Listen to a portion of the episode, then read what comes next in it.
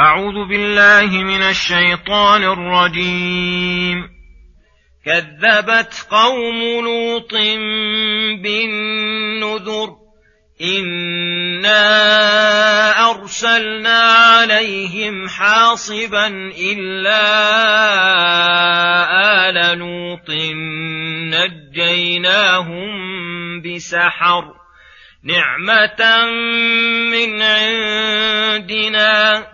كذلك نجزي من شكر ولقد انذرهم بطشتنا فتماروا بالنذر ولقد راودوه عن ضيفه فطمسنا اعينهم فذوقوا عذابي ونذر ولقد صبحهم بكرة عذاب مستقر فذوقوا عذابي ونذر. ولقد يسرنا القرآن للذكر فهل من مدكر. ولقد جاء آل فرعون النذر. كذبوا بآياتنا كلها فأخذناهم أخذ عزيز مقتدر. أكفاركم خير من أولئكم أم لكم براءة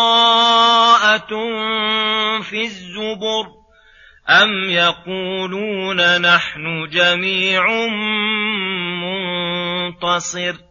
سيهزم الجمع ويولون الدبر. بل الساعة موعدهم والساعة أدهى وأمر.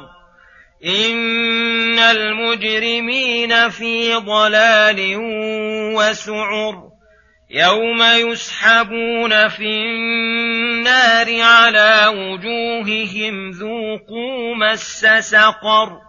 إنا كل شيء خلقناه بقدر وما امرنا الا واحدة كلمح بالبصر ولقد اهلكنا اشياعكم فهل من مدكر وكل شيء فعلوه في الزبر وكل صغير وكبير مستطر إن المتقين في جنات ونهر في مقعد صدق عند مليك مقتدر.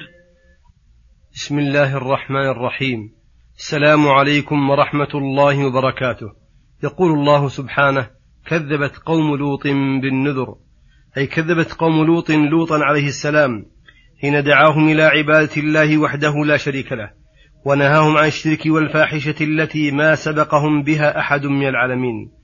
فكذبوهم واستمروا على شركهم وقبائحهم حتى إن ملائكة الذين جاءوه بصورة أضياف حين سمع بهم قومه جاءوا مسرعين يريدون إيقاع الفاحشة فيهم لعنهم الله وقبحهم وراودوه عنهم. فأمره الله فأمر الله جبريل عليه السلام فطمس أعينهم وأنذرهم نبيهم بطشة الله وعقوبته فتماروا بالنذر ولقد صبحهم بكرة عذاب مستقر قلب الله عليهم ديارهم وجعل أسفلها أعلاها وتتبعهم بحجارة من سجيل منضود مسومة عند ربك للمسرفين. ونجى الله لوطا وأهله من الكرب العظيم جزاء لهم على شكرهم لربهم وعبادته وحده لا شريك له. ثم يقول سبحانه ولقد جاء آل فرعون النذر. أي ولقد جاء آل فرعون. أي فرعون وقومه النذر. فأرسل, فأرسل الله إليهم موسى الكليم وأيده بالآيات البينات والمعجزات الباهرات وأشهدهم من العبر ما لم يشهد غيرهم. فكذبوا بآيات الله كلها فأخذهم أخذ عزيز مقتدر فأغرقه وجنوده في اليم. والمراد من ذكر هذه القصص تحذير الناس والمكذبين لمحمد صلى الله عليه وسلم. ولهذا قال أكفاركم خير من أولئكم أي هؤلاء الذين كذبوا أفضل الرسل خير من أولئك المكذبين الذين ذكر الله هلاكهم وما جرى عليهم. فإن كانوا خيرا منهم أمكن أن ينجوا من, عذاب من العذاب ولم يصبهم ما أصاب أولئك أشرار. وليس الأمر كذلك فإنهم إن لم يكونوا شرا منهم فليسوا بخير منهم. أم لكم براءة في الزبر؟ أي أم أعطاكم الله عهدا وميثاقا في الكتب التي أنزلها على الأنبياء؟ فتعتقدون حينئذ أنكم الناجون بأخبار الله ووعده وهذا غير واقع بل غير ممكن عقلا وشرعا. أن تكتب براءتهم في الكتب الإلهية المتضمنة للعدل والحكمة. فليس من حكمة نجاة أمثال هؤلاء المعاندين المكذبين لأفضل الرسل وأكرمهم على الله فلم يبق إلا أن يكون بهم قوة ينتصرون بها فأخبر تعالى أنهم يقولون, يقولون نحن جميع منتصر قال تعالى مبينا لضعفهم وأنهم مهزومون سيهزم الجمع ويولون الدبر فوقع كما أخبر هزم الله جمعهم الأكبر يوم بدر فقتل صناديدهم وكبراءهم فأذلوا ونصر الله دينه ونبيه وحزبه المؤمنين. ومع ذلك فلهم موعد يجمع به أولهم وآخرهم ونصيب في الدنيا منهم ومن متع بلذاته ولهذا قال بل الساعة موعدهم الذي يجازون به ويؤخذ منهم الحق بالقسط والساعة أدهى وأمر أي أعظم وأشق وأكبر من كل ما يتوهم أو يدور في الخيال. إن المجرمين أي الذين أكثروا من فعل الجرائم وهي الذنوب العظيمة من الشرك وغيره من المعاصي في ضلال وسعر. أي هم ضالون في الدنيا ضلال عن العلم وضلال عن العمل الذي ينجيه من العذاب ويوم القيامة في العذاب الأليم والنار التي تستعر بهم وتشتعل في أجسامهم حتى تبلغ أفئدتهم. يوم يسحبون في النار على وجوههم التي هي أشرف ما بهم من الأعضاء وألمها أشد من غيرها فيهانون بذلك ويخزون ويقال لهم ذوقوا مس سقر. أي ذوقوا ألم النار وأسفها وغيظها ولهبها. إنا كل شيء خلقناه بقدر وهذا شامل للمخلوقات والعوالم العلوية والسفلية. إن الله تعالى وحده خلقها لا خالق لها سواه ولا مشاركة في خلقه فخلقها بقضاء سبق به علمه وجرى به قلمه بوقتها ومقدارها وجميع ما اشتمت عليه من أوصاف. وذلك على الله يسير. فلهذا قال وما أمرنا إلا واحدة كلمح بالبصر. فإذا أراد شيئا قاله كن فيكون. كما أراد كلمح البصر من غير ممانعة ولا صعوبة. ولقد أهلكنا أشياعكم من الأمم السابقين الذين عملوا كما عملتم وكذبوا كما كذبتم فهل من مدكر أي متذكر؟ يعلم أن سنة الله في الأولين والآخرين واحدة وأن حكمته كما اقتضت إهلاك أولئك الأشرار فإن هؤلاء مثلهم ولا فرق بين الفريقين وكل شيء فعلوه في الزبر.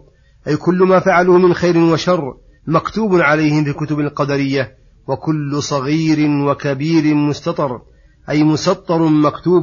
وهذه حقيقة القضاء والقدر وأن جميع الأشياء كلها قد علمها الله تعالى وسطرها عنده في اللوح المحفوظ. فما شاء الله كان وما لم يشأ لم يكن. فما أصاب الإنسان لم يكن ليخطئه وما أخطأه لم يكن ليصيبه.